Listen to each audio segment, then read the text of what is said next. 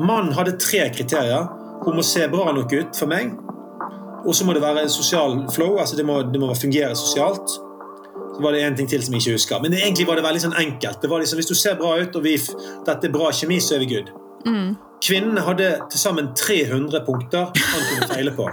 Nei, kødder du med meg? Nei, jeg kødder. Jeg kødder ikke i det hele tatt. Å, Det kan jo ikke bli mye verre, da.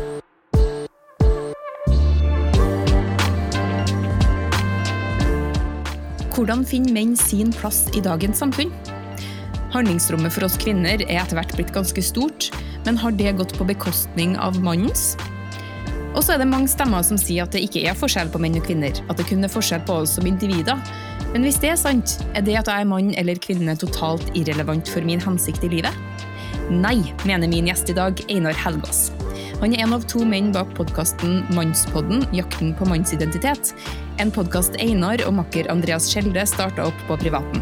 Den har blitt veldig populær og tar for seg mannens rolle i liv og samfunn. Velkommen, Einar!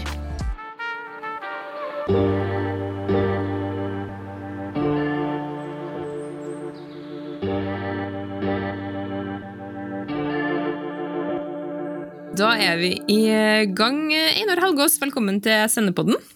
Hei, hei. Jeg er du- fra, Ber jeg er fra Bergen med lang æ. Bergen. Så jeg skal prøve å snakke litt bergensk innimellom. Artig om du prøver deg på litt trøndersk da. Jeg får det gjerne. Ok, vi, vi skal jo snakke om, om mannen i denne podkasten, for du har jo en egen podkast som heter Mannspodden, som vi skal også snakke litt om. Men aller først, kan du bare fortelle litt om deg sjøl? Hvem er du? Ja. Jeg eh, pusher 50. Neste år blir jeg 50. Det blir vanvittig gøy.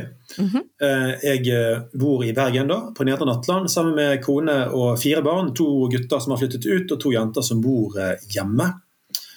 Eh, Og jeg har vært gift da i 26 år. Eh, Det er jo et eh, himla fantastisk kapittel, det kan snakkes om en annen gang. ja. Eh, Jeg har jobbet eh, 21 år i laget. Eh, og jeg sitter nå på lagskontoret i Kalfarveien 8 i Bergen nå. og er teamleder for lagsarbeidet på Vestlandet. Men eh, ble kristen her på dette huset mm. eh, når jeg gikk på ungdomsskolen. Og har altså Laget betydde kjempemye for meg da i ungdomsårene. Og litt spesielt at jeg da endte opp med å jobbe så lenge. Ja. Eh, Så det er jo veldig kjekt. Men jeg trives veldig godt, jeg trives veldig godt med ledelse, og vi jobber med evangelisering, disippelgjøring og, og, og eh, ledertrening. Så det trives jeg eh, veldig godt med. Mm. Kult. Eh, har du noen rare interesser? Ja, selvfølgelig har jeg det. Eh, Jeg liker veldig godt å bruke fritiden min på å etterligne Terje Dale og Erling Thu. Kan jeg få høre Terje Dale, vær så snill? Nei, det er, den er litt vanskelig, altså. Ja, det er, Gud er god for Nei, altså, jeg må, jeg må jobbe litt med den, men, eh, men eh, Gud elsker deg. Gud elsker alle.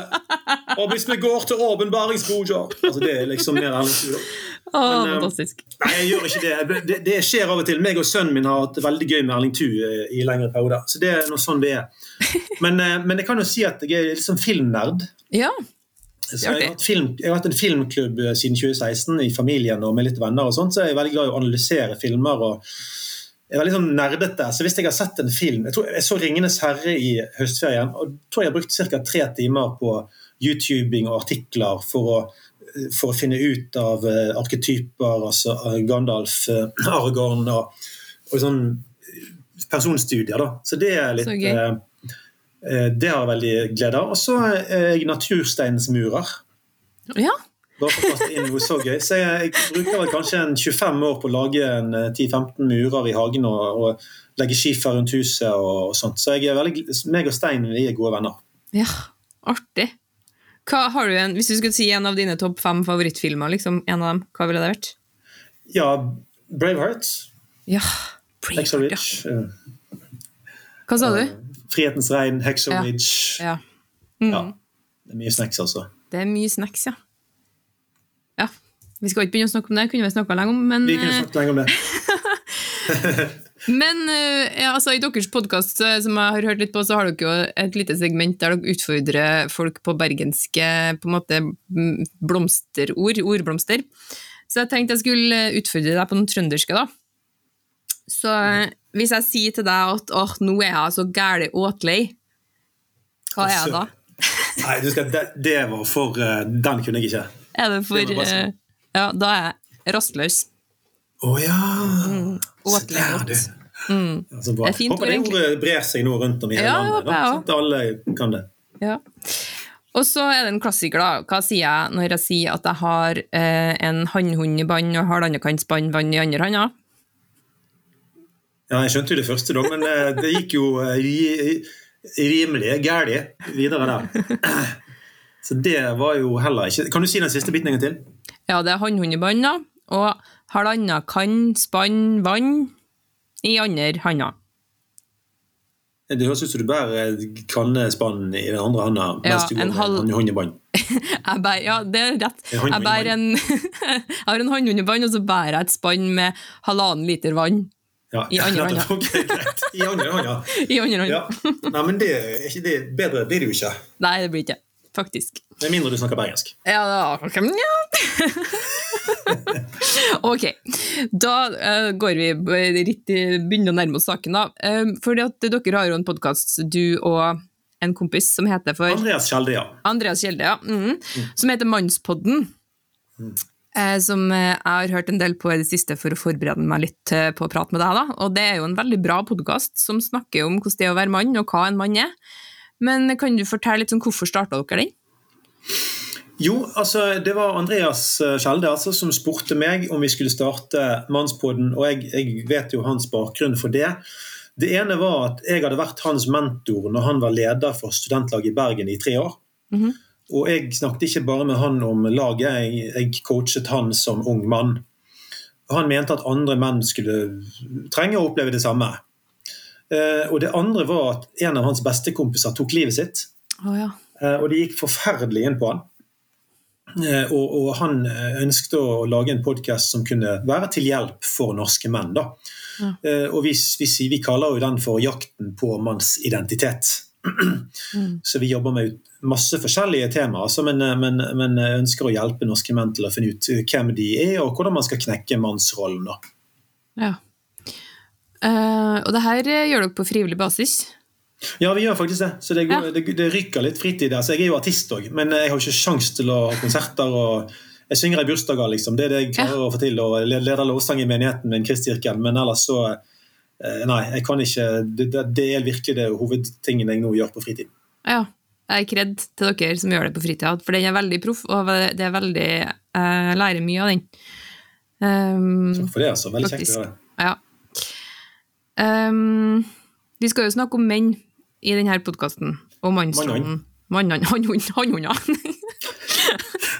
Nei da. Ja da. Eh, men så lurer jeg på um, En av catchphrasene deres i podkasten er jo uh, å hjelpe den norske mannen til å leve rakrygga og tro mot sin hensikt.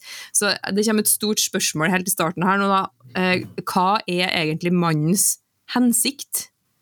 Mm. Jeg syns det er litt gøy å begynne bare litt sånn felles for kjønnene, Bare, bare, på gøy. Altså, jeg, ja. jeg, tenker jo at for å ha mening i livet sitt, så det, det å kjenne Gud og gjøre han kjent, da er du inne på kjernen av hva som gir livet mening. Og det er felles for menn og kvinner. Mm. Men en av mine hovedsesjoner når jeg har mannsseminar, er mannens biologi. Og hvordan den påvirker din mannsrolle. Eh, fordi at testosteron er jo grunnstoffet til mannen. Og vi har 15 ganger mer av det enn kvinner. Mm. Det preger enhver celle i mannens kropp. Altså, en mann kan ikke rømme fra sitt testo. Liksom. Det, er, det, er, det som har gjort deg til mann, og det er Gud som har crafted this. Gud bygde deg, han brukte, brukte denne typen materiale. Og det gjør noe med oss. Eh, og Det er derfor jeg pleier å si at enhver mann må fortolke sin maskulinitet hver dag. Mm. Jeg tror det er ikke alle som går rundt og tenker på det, men du gjør det. Ja. Eh, eh, liksom, du må jo egentlig det. sant? Og En kvinne må jo det for sin del, sant? Med sine grunnstoffer, som østrogen og andre ting. Men når vi da gjør det, når vi da ser på eh, både klassisk mannsrolle, sånn som sosialantropologer, som f.eks. har sett på 250 kulturer og jeg har lest litt hva de har funnet, og de finner noen av de klassiske trekkene hos menn og kvinner. Og, og, menn posisjonerer seg i forhold til samfunn eh, og mer enn nødvendigvis personlige relasjoner, som kvinner ofte prioriterer. Og Det, det er bare sånn kvinner har, har levd, og uten å, uten å, ta inn dette her filteret som handler om, om likestilling. Men, men, menn og kvinner har preferert visse ting. Og, og vi er jo skrudd litt annerledes enn kvinnen, og det gjør at det å, det å bli en mann som forsvarer andre, som verner andre, gjennom at vi har en fysikk som er naturlig for dem. Men jeg tror vi òg har en, si, en, en, en genetikk, en, biologi, da, som gjør at vi vil trives veldig godt med det. Nå er det jo mange kvinner i dag som forkaster det. Altså, Jeg vil ikke ha vern av noen mann, og det, det, vet jeg at du òg har, har, tenkt noen tanker om. Men når vi går gjennom denne livsreisen som mann, så tenker jeg at det å på en måte bli en, en konge hvis vi tør å bruke det begrepet, da, men som er raus, som er ute etter å, å, ordne tilværelsen, sånn at mennesker har et godt liv innenfor visse, visse, rammer. En mann som ser andre og er mer opptatt av å løfte andre opp enn å løfte seg sjøl opp. Litt sånn Nelson Mandela, litt sånn Braveheart, eller Jesus om du vil. ikke sant? Mm. Mm. At du er mer opptatt av å gjøre verden til et bedre sted enn å sykle rundt din egen navle og sørge for at dine behov blir tilfredsstilt. Mm. For det er ikke veldig vakkert. Det er den egoistiske mannen. Og jeg tror jo måten en har dannet menn på i Vesten over mange tiår, har vært kontraproduktiv i forhold til å skape den typen menn. Ja. For det sekulære evangeliet om at hvis du blir lykkelig, så er alt fint, det er jo en trap. Det hjelper ikke. sant? Eh, for Jesus modellerer for oss en selvoppofrende kjærlighet. Eh, og enhver mann som har skjønt noe som helst av det, mm. det har så enorme konsekvenser for nære relasjoner, familie eh, og, og, samfunn, skole, utdanning, der man beveger seg. Sånne folk, de, de gjør verden til et bedre sted. Og så tenk, ja. Ja, tror du man må få familie før man skjønner det? Litt sånn på begge sider, egentlig. Både mann og kvinne jeg tror det hjelper veldig. Ja. Og jeg vet at det, det, er mange menn som sier at når jeg ble far, så ja. så skjedde det noe med deg. sant? du bare, det, det, er bare ressurser du ikke visste var der. Et reservoar som plutselig er, er, bare åpnet opp og er i gang. Sant? Med nettopp det å, å verne og, og, danne og tenke at jeg skal danne disse barna så de kan fungere godt som voksne. Og Det, det tror jeg definitivt. Men i Mannsbåten er jeg veldig opptatt av å snakke til single menn. For det, jo, det, har jo aldri vært så mange single menn som nå. Mm. For så vidt heller ikke kvinner, men akkurat nå er det menn vi snakker om. Og, og de trenger veiledning. Jeg, altså jeg sier jo f.eks.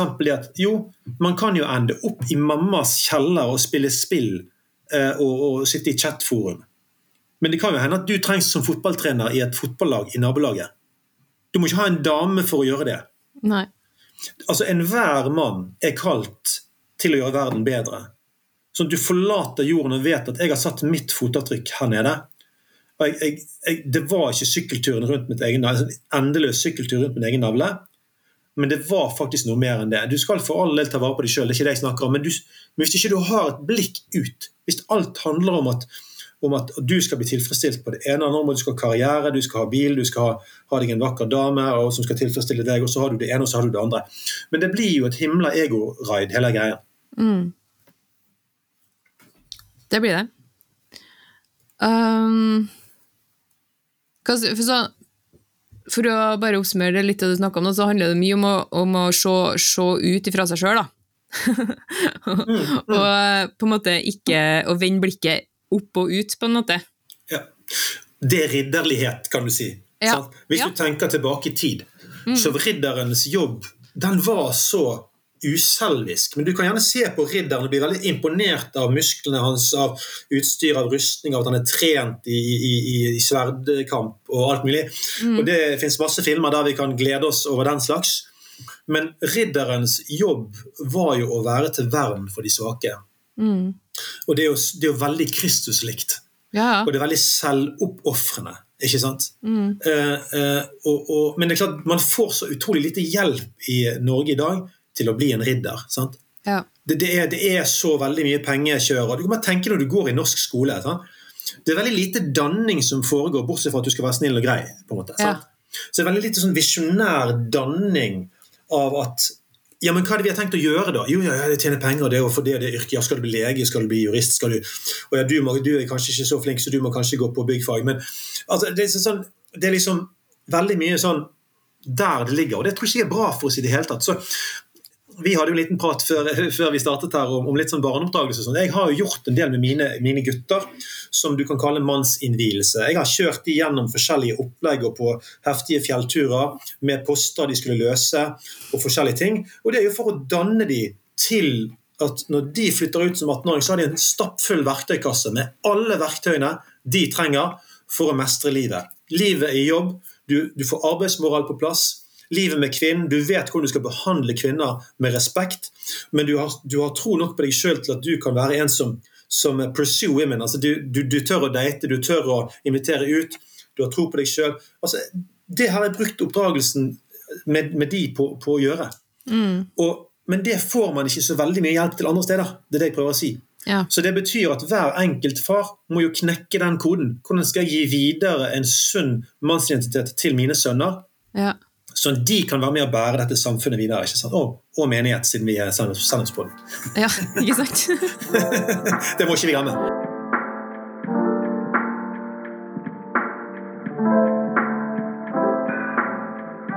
Og siden vi da er en kristen podkast, så har jeg jo et kristent spørsmål, som er hva, hva sier Bibelen om eh, mannen sin hensikt, på en måte?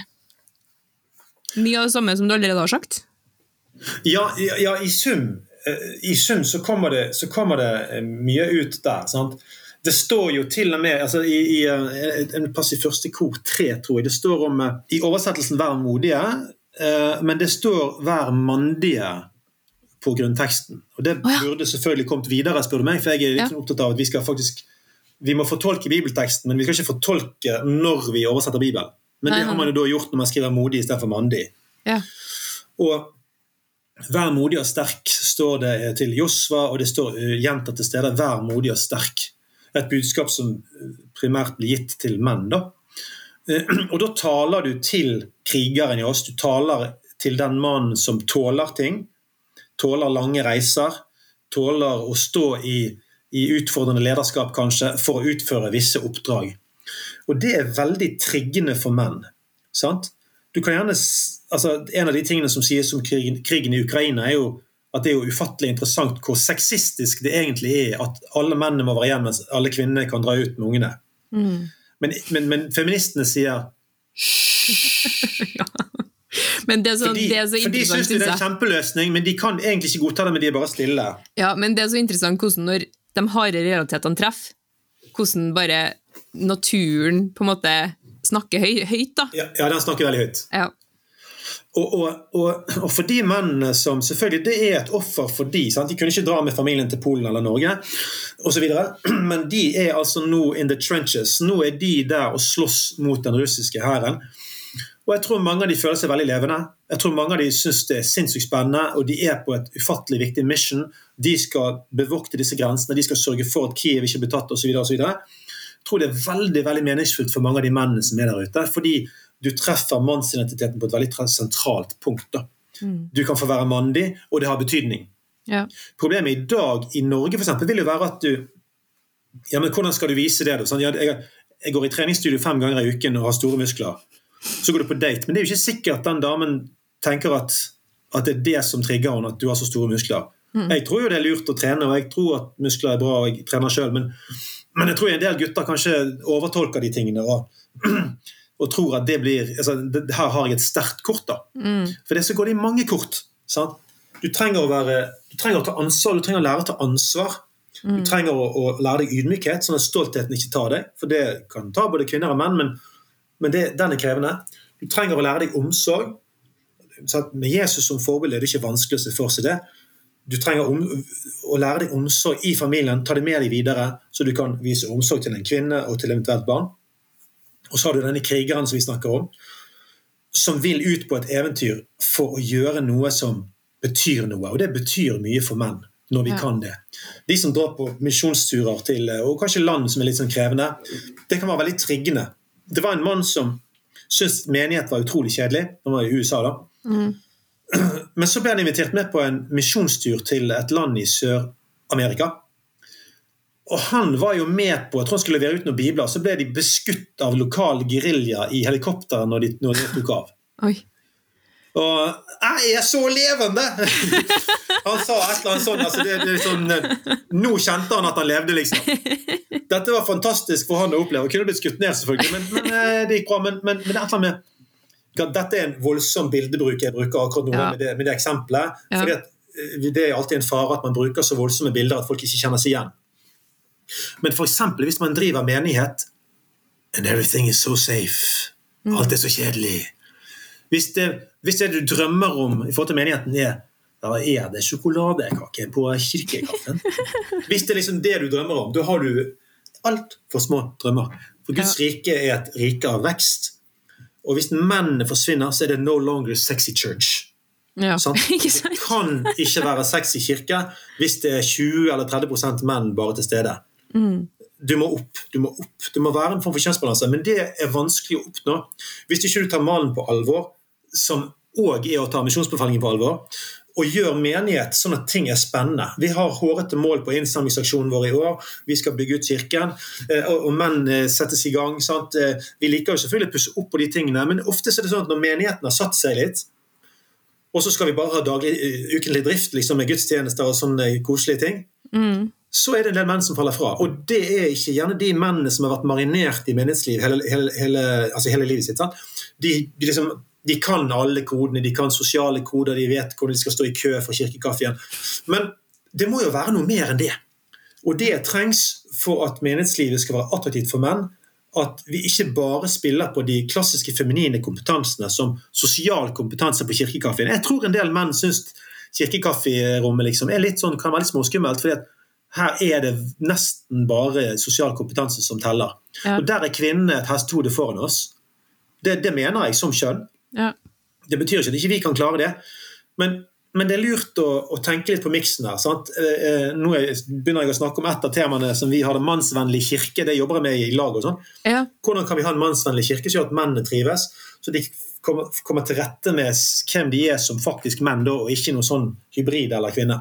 Var det på deres podkast jeg hørte at hvis, eh, hvis eh, manneandelen synker i kirke, så er det en stor sannsynlighet for at den dør ut etter hvert? Det tror jeg. Det var sikkert Anne Berit Mathisen som snakket om det. kan... Eh, i rundt episode 31 eller sånt. Det tror jeg stemmer. Men vi har gjort noen undersøkelser, for jeg har vært med å skrive en bok som heter 'Troens menn ung'. Det er en disiplgjøringsbok for unge menn. Og Der har vi kommet fram til at det i snittet i norske menigheter er rundt 37% menn. Ja. Eh, og Det er for lavt, men problemet er at hvis du går under 30% da er det omtrent game over. Altså Dette er det forskning på. Ja. Altså da, da, vil ikke du klare å komme tilbake igjen. Da er du i ferd med å dø. Ja. Men når du er på 37 da er det fortsatt håp. Ja, det er jo bra. eh, eh, eh det er faktisk bra. Eh, Aragorn sa faktisk i 'Ringenes herre' 'There is always hope'. Apropos. apropos. apropos. Og Det betyr at hvis du setter inn innsatsen på 37 og tenker at vi vi har faktisk tenkt å drive menighet så menn og kvinner trives veldig godt. Mm. Og da har man fortsatt mulighet til å vokse. Det fins eksempler på menigheter i USA der eh, kvinnelige pastorer har lest boken 'Why Men Hate Going to Church' av David Murrow, som jeg mener alle som syns menighet er viktig, bør lese. Mm -hmm. Kvinner som hadde lest den, og som rett og slett gjorde det boka sa, endte til og med opp med over 50% menn på gudstjeneste. Ah, det er interessant. Og en, og en, kvinne som faktisk var en baptistmenighet, og en veldig tradisjonell Menigheten holdt på å dø ut. Hun leste den boka og begynte å gjøre etter den boka. Det, det hadde med interiør å gjøre, det hadde med eh, hvordan hun talte å gjøre, det hadde med hvilke sanger vi sang. Hun strøyk salmer som var for feminine i, i salmeboka. Det endte opp med at de nesten må utvide menigheten. Og det kommer menn på Harley Davidson på gudstjeneste, og menn som før ikke tok ansvar for familien, sitter der med to-tre barn på fanget og tatt ansvar. Men det er fordi én kvinnelig pastor leste den boka og fant nøklene inn til mannens hjerte, og har kjørt det løpet. Se videoen 'Amazing Grace' på YouTube. En 13 minutters video. Jeg griner hver gang jeg ser den videoen. Fordi her er det altså vist en kjærlighet overfor menn som har en enorm effekt òg for kvinnen. Det er en sånn vinn-vinn-situasjon. Det må ikke vi glemme, vet du. At eh, det blir vinn-vinn, det her. Ja, ja, ja. Vinn-vinn. Vinn-vinn. Ok. Uh, Det står i Bibelen at uh, mannen er kvinnens hode. Og det skaper jo automatisk helt sånne reaksjoner. Uh, og man tenker, fort, man tenker fort dominans og undertrykkelse og, og så videre og så videre. Kunne du bare reflektert litt om hva du tror Bibelen mener med det her?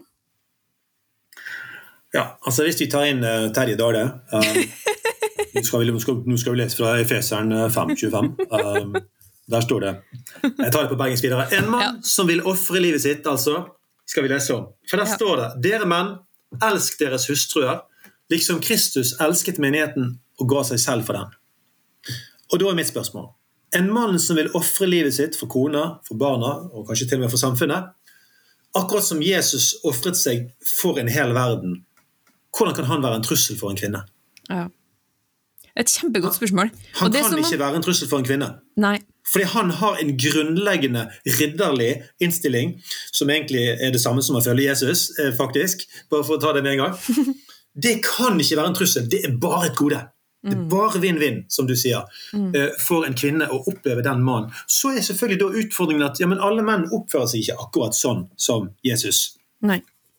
Jo, men da bruker jeg ofte et veldig godt sitat som jeg lærte på Hawaii. Mm -hmm. Og det er 'direction, not perfection'. Hvis du er på en god retning med livet ditt, da er det veldig flott. Men du kan ikke forvente perfeksjon. At jeg skal bli som Jesus. Eller som Terje Dale. Altså, det er jo eh, Det er liksom et eller annet med at du må, du må liksom tenke at når du er på et godt spor, og du er en person som både har det, kontroll på det harde og det myke i deg. Du ber om tilgivelse til, til uh, En ting jeg anbefaler alle menn, er at hvis du gjør noe galt mot ungene dine, så ber du om tilgivelse samme dag. Mm. Gå gjerne inn på rommet på kvelden og beklager at jeg holdt deg så hardt i armen. Beklager at jeg sa det til deg som faktisk ikke er sant. Unnskyld. Mm. Jeg har gjort det hele oppveksten med ungene mine, og de, de, de, de, de tilgir meg jo nesten før jeg er ferdig å si setningen, for vi har hatt en kultur av tilgivelse. Ja. Så en mann trenger en, Du må ha kontakt med din myke side. Jesus hadde det. Han grein over Jerusalem, han grein over Lasarus. Mm. Jeg tror ikke Jesus var spesielt skamfull over tårene sine. Det bør heller ikke vi være. Men herlighet for et råskinn Jesus var med pisken i tempelet mm. og i møte med fariseerne. Han var et himla råskinn av en mann. Han var, det, han var, sterk, han var sensitiv. Og det trenger vi òg å være. Og menn som er sterke og sensitive, vil jo heller ikke, og, og, og som har gode holdninger og vil følge Jesus, vil jo ikke dominere for å dominere. Nei. Og bruke makt som bare handler om sykkelturen rundt hans egen navle. Mm. Han skal bruke, hvis han bruker makt, for makt finnes Foreldre har en autoritet overfor barn. Det er en maktposisjon. Mm. Jesus hadde all makt, sa han. Jesus hadde maktposisjon, så selv om han var god med å være sensitiv, så hadde han makt. Mm. Men det er, altså Jens Stoltenberg sa jo det òg, at nei, makt er ikke et problem, det er jo hvordan du bruker makt. Ja. Så det er opp til hver enkelt mann, det. Å forvalte disse tingene. Men har du et varmt hjerte, og du er ute etter de andres beste, og du jobber med deg sjøl daglig Jeg må jobbe med meg sjøl daglig på det. Eh, en av mine svakeste sider er tjenerskap. Det er jo helt tragisk, for det er jo noe av det Jesus modellerer mest av alt. Mm. Men jeg har min oppvekst, jeg har min historie. Jeg har, har, har, hatt et forhold til min far som har vært krevende. Så jeg vet at når jeg eh, har hatt utfordringer med det, så, så er det forståelig. Men det, ikke, det, unnskylder ikke meg til at jeg ikke skal tjene min kone og mine fire barn og tjene laget, f.eks. Mm. Jeg må jo gå inn med mine ressurser, og så må jeg tjene. Det betyr at jeg hver dag må ta opp mitt kors og tjene. Mm. Og, og, om jeg kjenner på egoistiske impulser at jeg heller vil sitte på PC-en min heller enn å ta oppvasken når jeg vet at kona mi trenger det, og hun er sliten, eller et eller annet, da, da velger jeg feil. Men hvis jeg går og tar den oppvasken, så velger jeg rett. Og sånne valg er hver eneste dag full av. Ja. Og den som er våken og til stede, den kan få det til.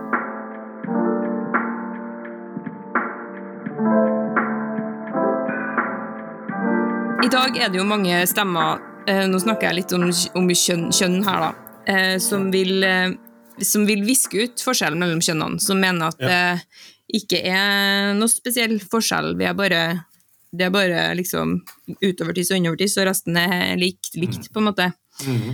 Um, men hvis man insisterer på at det ikke er forskjell på menn og kvinner, kan, da kan man jo egentlig ikke snakke om mannens hensikt, eller kvinnens hensikt, på en måte.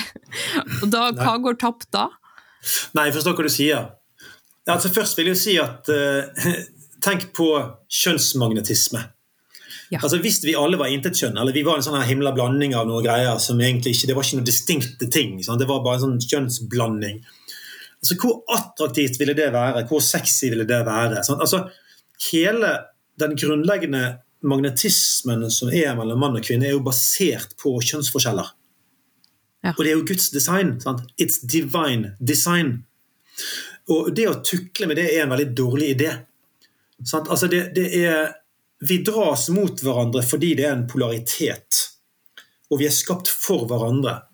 Så den sammenrotingen har jeg lite tro på. Jeg har veldig tro på likestilling og jeg har veldig tro på at vi sammen må få livet til å funke. Men det er jo ikke sånn at må kvinnen skifte dekk på bilen òg? Det er jo veldig mange menn som skifter dekk på bilen, og veldig få kvinner som gjør det. Altså Min jente på 18 år, for to uker siden så lærte hun å skifte dekk på bil. Så det er ikke sånn at jeg bare gitt guttene mine manneoppdragelse, men eh, jeg tenkte at hun òg trenger å lære det. Så hun syntes faktisk det gikk ganske greit. Men, men, men, men altså, oppdraget med å sørge for mat til ungene og sørge for at alle ting funker, det, man, man må løse det sammen. Men så er det jo sånn at menn er mer risikovillige. Det vet vi. Vi har masse forskning på det. Det, det er no discussion. Vi er mer risikovillige. Det kan brukes til noe. F.eks. 6.6.1944 så viste det seg å være ganske gunstig.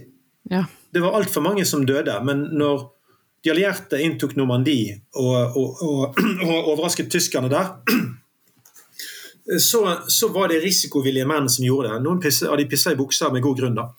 Eh, på, på båten over. Hvis, hvis, du ser Save Private Ryan, så er det noen sterke scener der. Men, mm. men jeg mener ikke at de båtene burde vært fulle av kvinner. Eh, jeg mener det var riktig at menn tok den jobben. Og så har du det at kvinner er mer relasjonsorienterte enn menn. Det er jo Jordan Peterson som kanskje uttrykker seg best om dette. Han sier det at uh, kvinner er mest opptatt av relasjoner, og menn er mest opptatt av ting. Mm. Og jobben kan være en ting, bare for å si mm. det. Ja. Du er opptatt av liksom, prosjekter, ting som du kan liksom, gjøre, ting du kan ta på. altså sånne ting. Men alt dette kan jo brukes til noe. Så hvis mann og kvinne i, sammen er, er, fleksible og finner den gode løsningen som gjør at huset er varmt Jeg er jo en vedprodusent, så jeg er veldig glad i å lage ved. Min kone er ikke så mye med på det.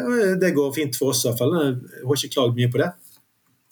Men at man knekker det sammen uten at alt må være likt. At alle må kunne alt. Selvfølgelig begge må kunne vaske klær. Sant? For Mannen skal jo sende kona av gårde et par langhelger i år og gjerne en, en, uke på sommeren, sånn at hun kan bli regenerert. For kvinner bruker vanvittig energi på å være mødre.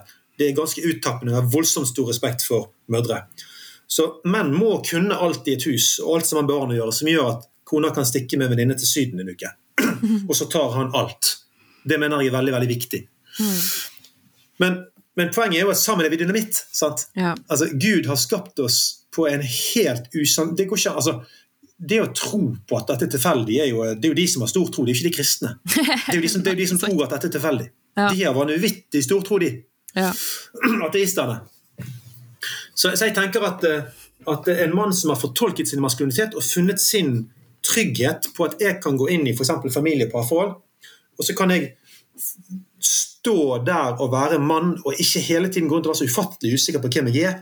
Mm. Og kona har sterke meninger om barneoppdragelse og kanskje bare skal gjøre det sånn som hun sier, så slipper vi bråk. Mm. Det er en veldig dårlig løsning. Begge må reise seg opp i familien. Mann som mann, kvinne som kvinne. Vi har våre spesialkompetanser, på en måte. Mm. Noe skal begge kunne. Noe er kanskje mannens spesialkompetanse, noe er kvinnens spesialkompetanse. Min kone tar en del av de mest krevende samtalene med barna våre tar min kone. Hun er vanvittig dyktig på relasjoner. Uh, jobber i helsevesenet innenfor psykiatri. Uh, men jeg har mine samtaler med ungene som er kanskje litt annerledes, og som er, er fine på sitt vis, da jeg bidrar på min måte. Litt uh, med, med, å tenke litt mer på Vi var inne på dette rett før vi, begynte. altså Det med å mm. tenke langsiktig. tenke Hva trenger mine barn å bli utrustet til ja.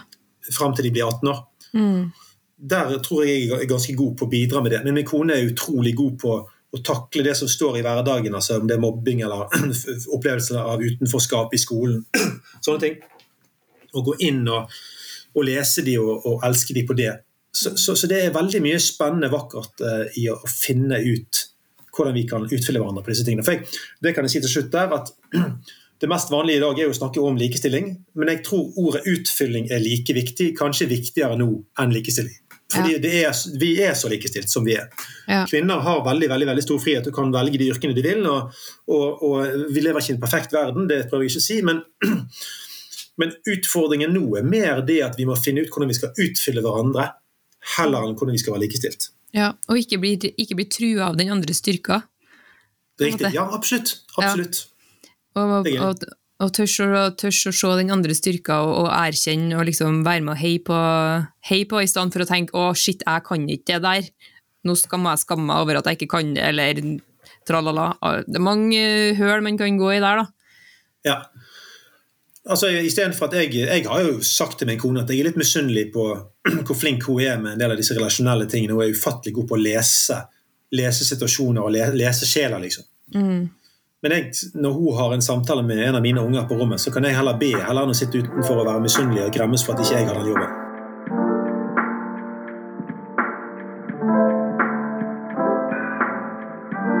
Eh, I, I, sommer så gikk det en debatt på ytring.no. Jeg vet ikke om du fikk med det, men eh, det, ja, det, var en psykologstudent eh, som ytra frustrasjon så, som han kjente på av å leve i dameland, i hermetegn. Han, at hele eller han opplever at hele samfunnet er lagt opp sånn at det passer dama best. Mm. Hva tenker du om det? Ja, altså Dette var jo Adam Njå, og jeg hadde så ufattelig lyst til å skrive leserinnlegg. At det var, men jeg hadde to sønner som giftet seg i sommer, så det var så travelt. Så jeg fikk aldri gjort det. Men jeg, jeg, var så klar med Alt var klart i hodet mitt. Men uh, jeg eh, sier både ja og nei til uh, det du sier der. Uh, men, men ja, fordi jeg kan si, det er jo en del ting der ting er veldig fint tilrettelagt for menn i det norske samfunn. selvfølgelig Det er ikke sånn at kvinnen har nå fått liksom, all makt eller kvinnen har kontroll på alt. Der er ikke vi. Men når du ser det store bildet, så er jeg eh, ganske enig med han at det finnes områder der mannen egentlig sliter litt med å finne ut hvem er jeg egentlig her. Sant? Altså Hvis du snakker om høyere utdanning, så vet de fleste nå at det, det er 60 kvinner. og Jeg tror den øker litt. Grann. Um, som er på høyere utdanning. Og Det er ikke gode nyheter for Norge, og det er dårlige nyheter for en del menn. Kvinner får ekstrapoeng på rundt 120 studier fortsatt. Jeg har ikke hørt at det har gått ned, og menn på bare syv. Mm. Det kan ha blitt endra, det håper jeg. Eh, det kan du sjekke hvis du vil. Men, eh, men, men det gjør at menn eh, henger etter på det området der, og det blir jo mer dameland. altså Hvis 75% psykologer er kvinner, og det er rundt der, og rundt 70% er leger, ja, men da snakker vi jo om et dameland på eh, yrker som har høy status. Og menn har vært eh, overrepresentert tidligere, men nå har vi da gått fra grøft til grøft.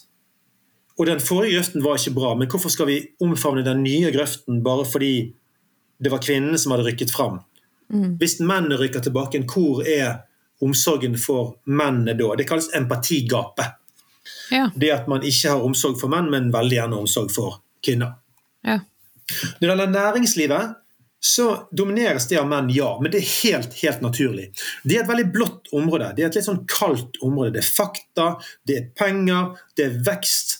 Eh, og flere menn enn kvinner vil trives i næringslivet.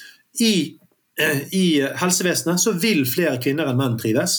For det er så relasjonsfokusert, det er så omsorgsbasert, det er å se den enkelte.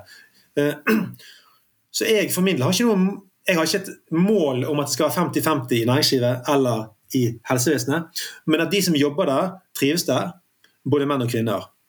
Men det vil sannsynligvis være videre under, underrepresentasjon av kvinner i næringslivet og underrepresentasjon av menn i helsevesenet. Det er ikke et problem. Det som er et problem er hvis vi har for få sykepleiere eller for få firmaer i dette landet. Det er et problem. Mm. Men det er ikke et problem at det ikke er likt. Nei, Fordi vi må jo trives med det er ikke enig om at det, er et lite problem hvis det bare blir kvinnelige lærere og bare blir kvinnelige barnehageansatte og bare ja, blir kvinnelige, eller at det er bare menn på den andre sida. Liksom. Det er ja. I, i, altså, hvis det bare er menn som er snekkere, så tror jeg ikke Norge lider av det. Det er 87 av snekkerne er menn. Eh, om, og jeg, De 13 eh, kvinnene som er snekkere, de er det sannsynligvis at de liker dette veldig godt, og at de trives med det. Mm. Og det er veldig bra. Men det er, klart, det er noe helt annet å snakke om skole. Fordi mangelen på maskuline forbilder for gutter er skrikende. Som gutt, som gutt så kan du eh, gå i en barnehage med kun kvinnelige ansatte. Gå på en ungdomsskole der du gikk gjennom den. Det var kanskje noen andre mannlige lærere, men kanskje du hadde bare kvinnelige lærere. Mm. Og Det samme kan nesten gjenta seg gjennom videregående.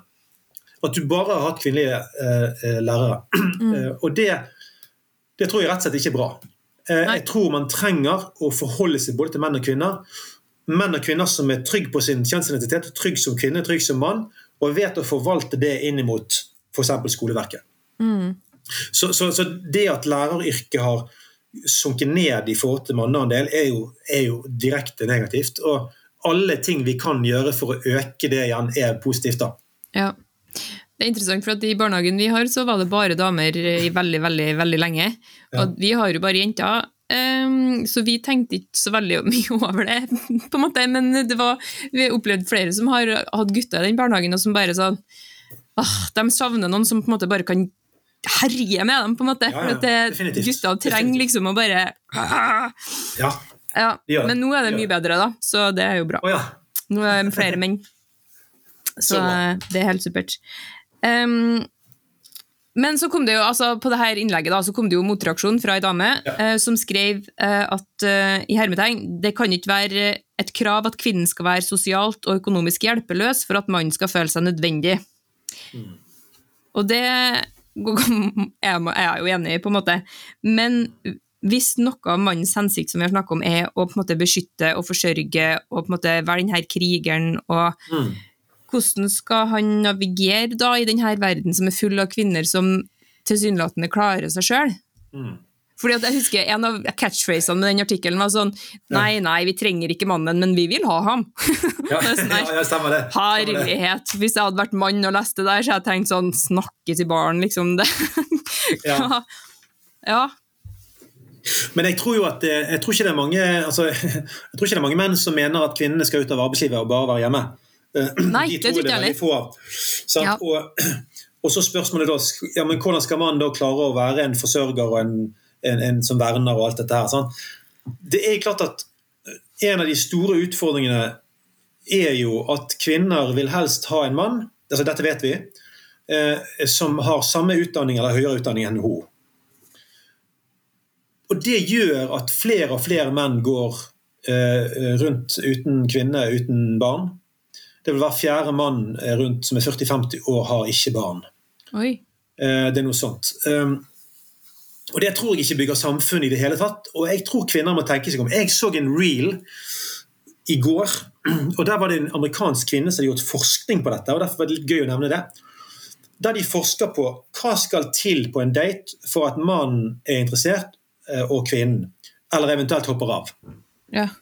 Jeg skal prøve å huske sånn cirka. Mannen hadde tre kriterier. Hun må se bra nok ut for meg.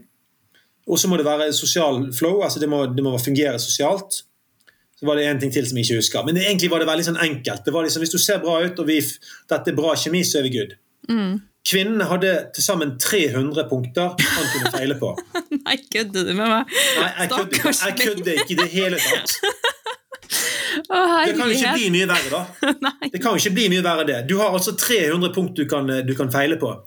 Og hun kom med noen eksempler i den reelen. Liksom, hvis han et eller annet med, Hvis den kom med svarte sko, eller nei, svarte cowboysko, da var det rett ut. Altså, det var liksom forskjellige kriterier.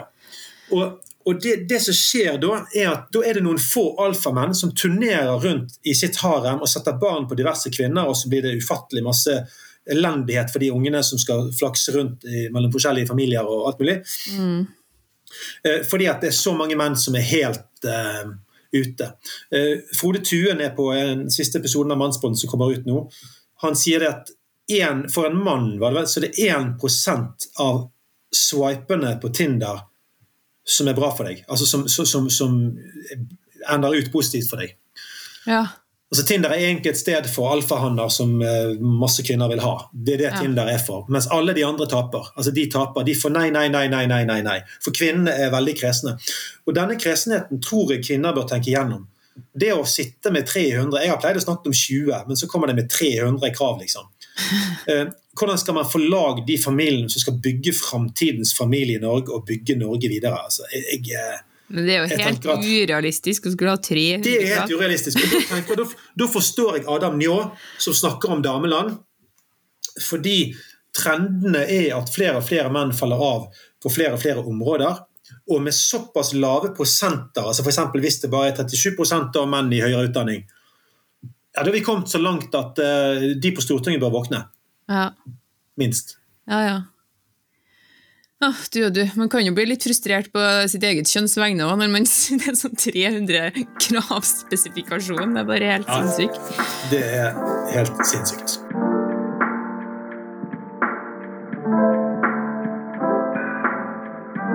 Altså, nå håper jeg blir noen spørsmål videre, for det er litt samme tema. for at, eh, Det har litt med det her med at menn skal finne sin plass å gjøre. fordi at ja.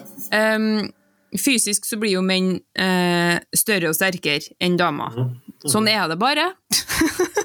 Uansett om vi liker det eller ikke, på en måte. Det er riktig det. Så er det bare sånn.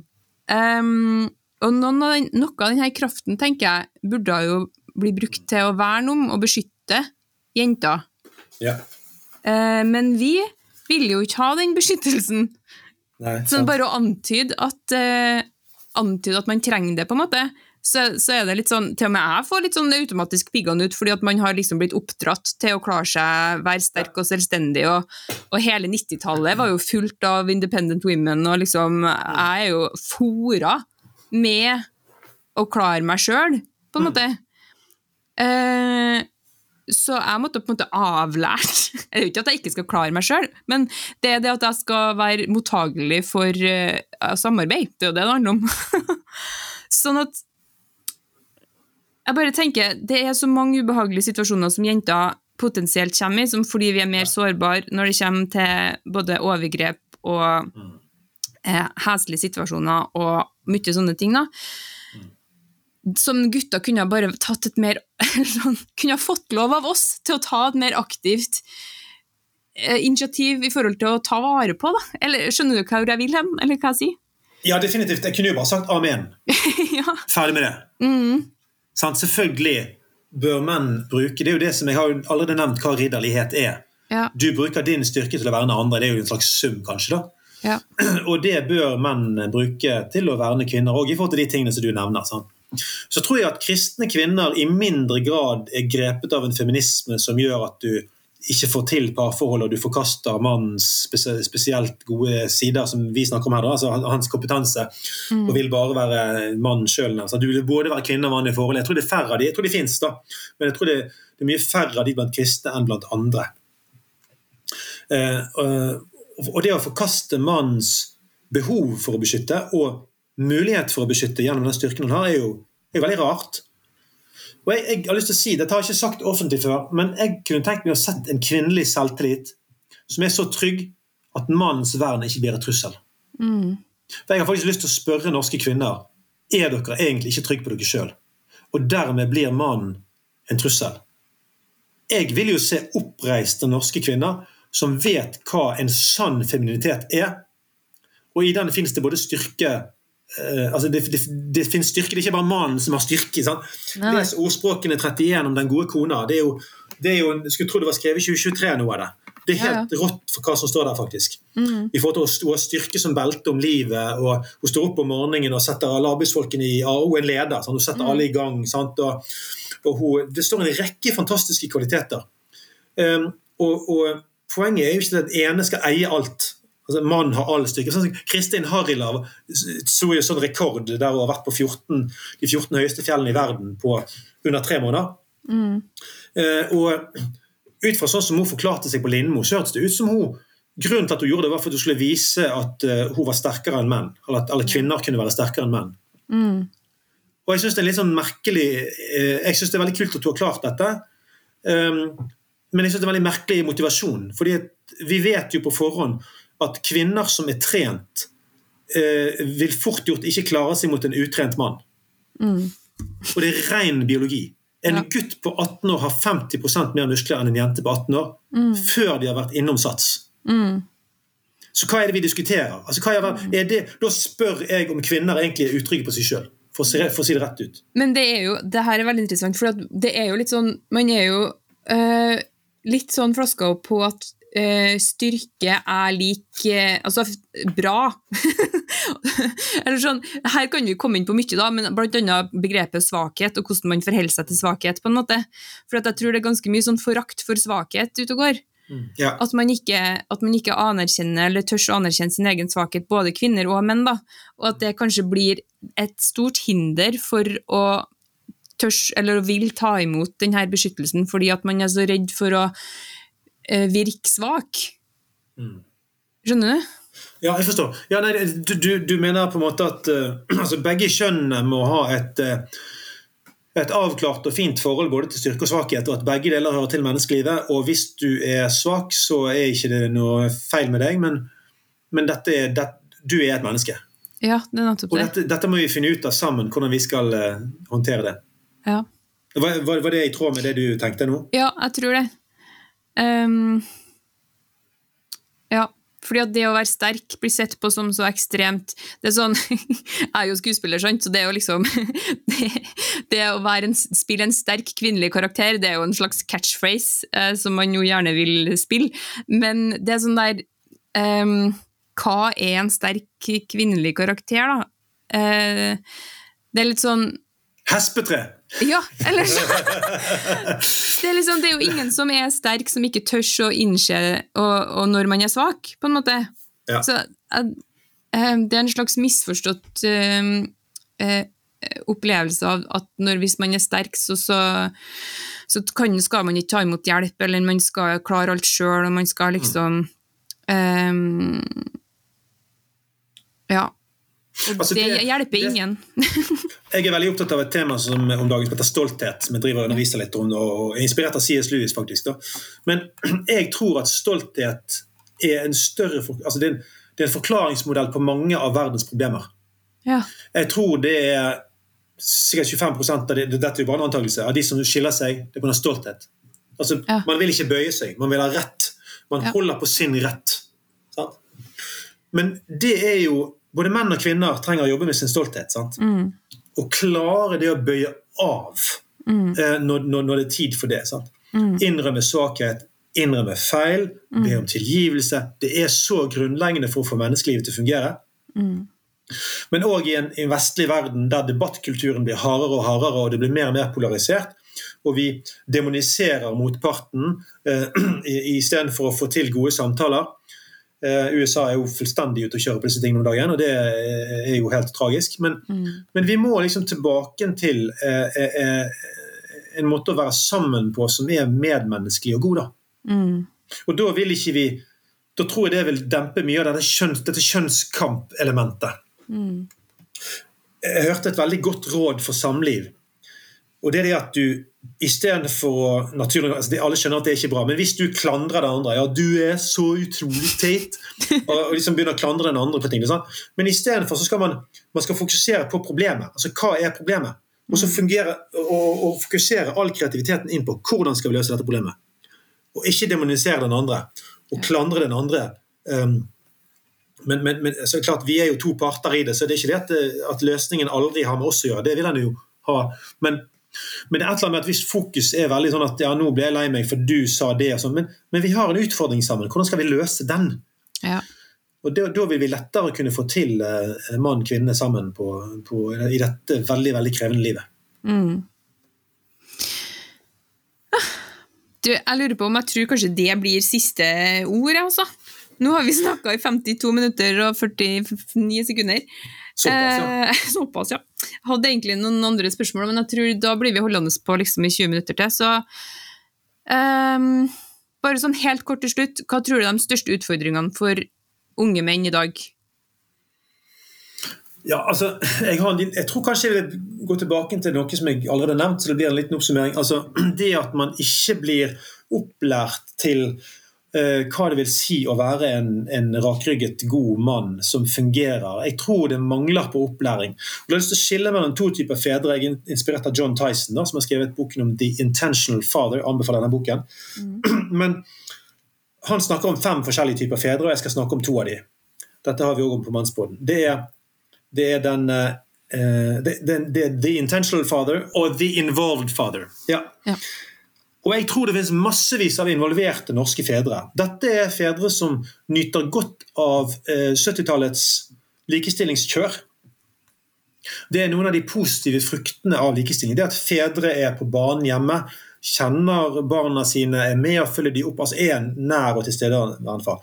Jeg tror masse norske menn er på et godt spor der. Mm. Men the intentional father tenker sånn som jeg sa i sted min sønn, min datter som 18-åring skal ha verktøykassen full når de flytter ut. Ja. Og Da må du gjøre noen grep i oppdragelsen, og man får for lite hjelp av samfunnet. Selvfølgelig lærer du noe av å være med i en fotballklubb. Eh, eh, sosialt liv, og du lærer deg å utvikle kompetanse. Men det er masse igjen å gjøre. Det er masse danning som må gjøres. Og Hvis vi gjør det på en god måte Vi jobber med det i mannsbåden, og vi kommer til å uh, jobbe med det uh, masse framover. Uh, hvordan danne norske menn, sånn at vi får til ikke bare samlivet med kvinnen, for man kan ikke bare fokusere inn der. En singel mann kan ha et lykkelig liv, ikke sant? Yes. men han, får, han, blir ikke lykkelig hvis han bare tenker på seg sjøl. Han, han, må tenke utover. Mm. Da tror jeg vi skal få disse tingene til. Men det er en vanvittig lang vei å gå. Altså, for jeg synes Som samfunn så er vi på en måte vi er ikke på et sted der jeg syns jeg ser at dette gjøres i en sånn bredde at det, det er liksom veldig unntaksvis at jeg ser at man, man, jobber på en måte som virkelig danner unge menn til å bli de mennene som er ridderlige og som er Jesus-like, da, siden vi igjen er i Sennepspodden. yes. ja. Er det noen gode forbilder for menn ute der, da? Bortsett fra Jesus? ja, ja, Jordan Peterson har jeg allerede nevnt. Eh, jeg synes altså Han blir jo kjørt nå om dagen på om han tror på Gud eller ikke. Ja. Eh, og det gjør han definitivt, men han jobber hardt med å ikke si det så klart som alle folk vil. Men han har veldig mye å bidra med. Eh, Andrew Tate har noe bra å bidra med, men eh, en del som ikke er så bra. Noen bare forkaster alt han sier. Det tror jeg ikke er riktig. Men det, Nei, tror ikke det er riktig?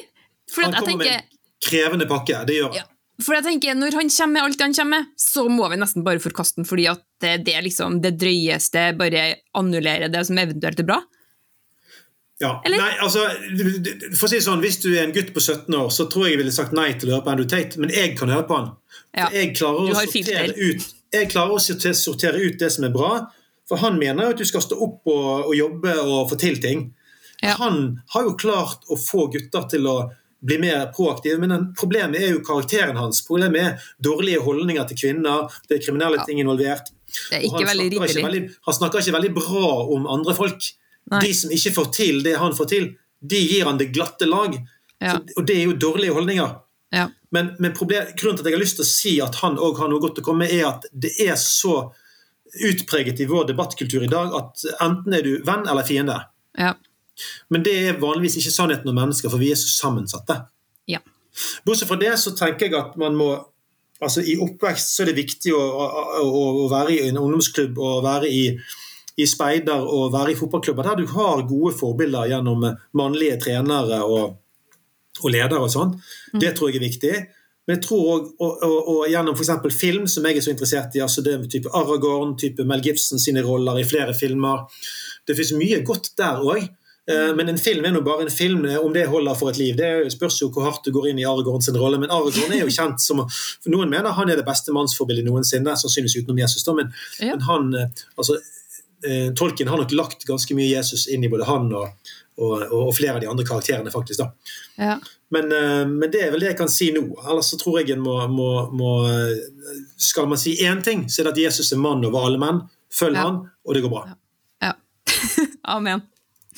Einar Helgås, tusen takk Tusen takk for at du var med i Sendepoden. Det var en veldig interessant eh, samtale. Takk skal du ha. Kan jeg si én ting på trøndersk til slutt? Det kan du. Det kunne vært mye vær. det er sånn vi sier at det har gått bra. ja, samme. Det visste jeg faktisk. Men tusen takk for at jeg fikk komme. Bare hyggelig. Takk for at du var med. Det var ganske hyggelig, faktisk. Så bra. For at du hørte på Sendepodden. Mer spennende stoff finner du på sennep.net, og du kan også følge oss på Facebook og Instagram. Sendepodden finnes i den podkastappen du bruker, og hør gjerne også på våre to andre podkaster, Alvorspraten og Bibelkvarteret. Sendepodden alt annet enn overfladisk.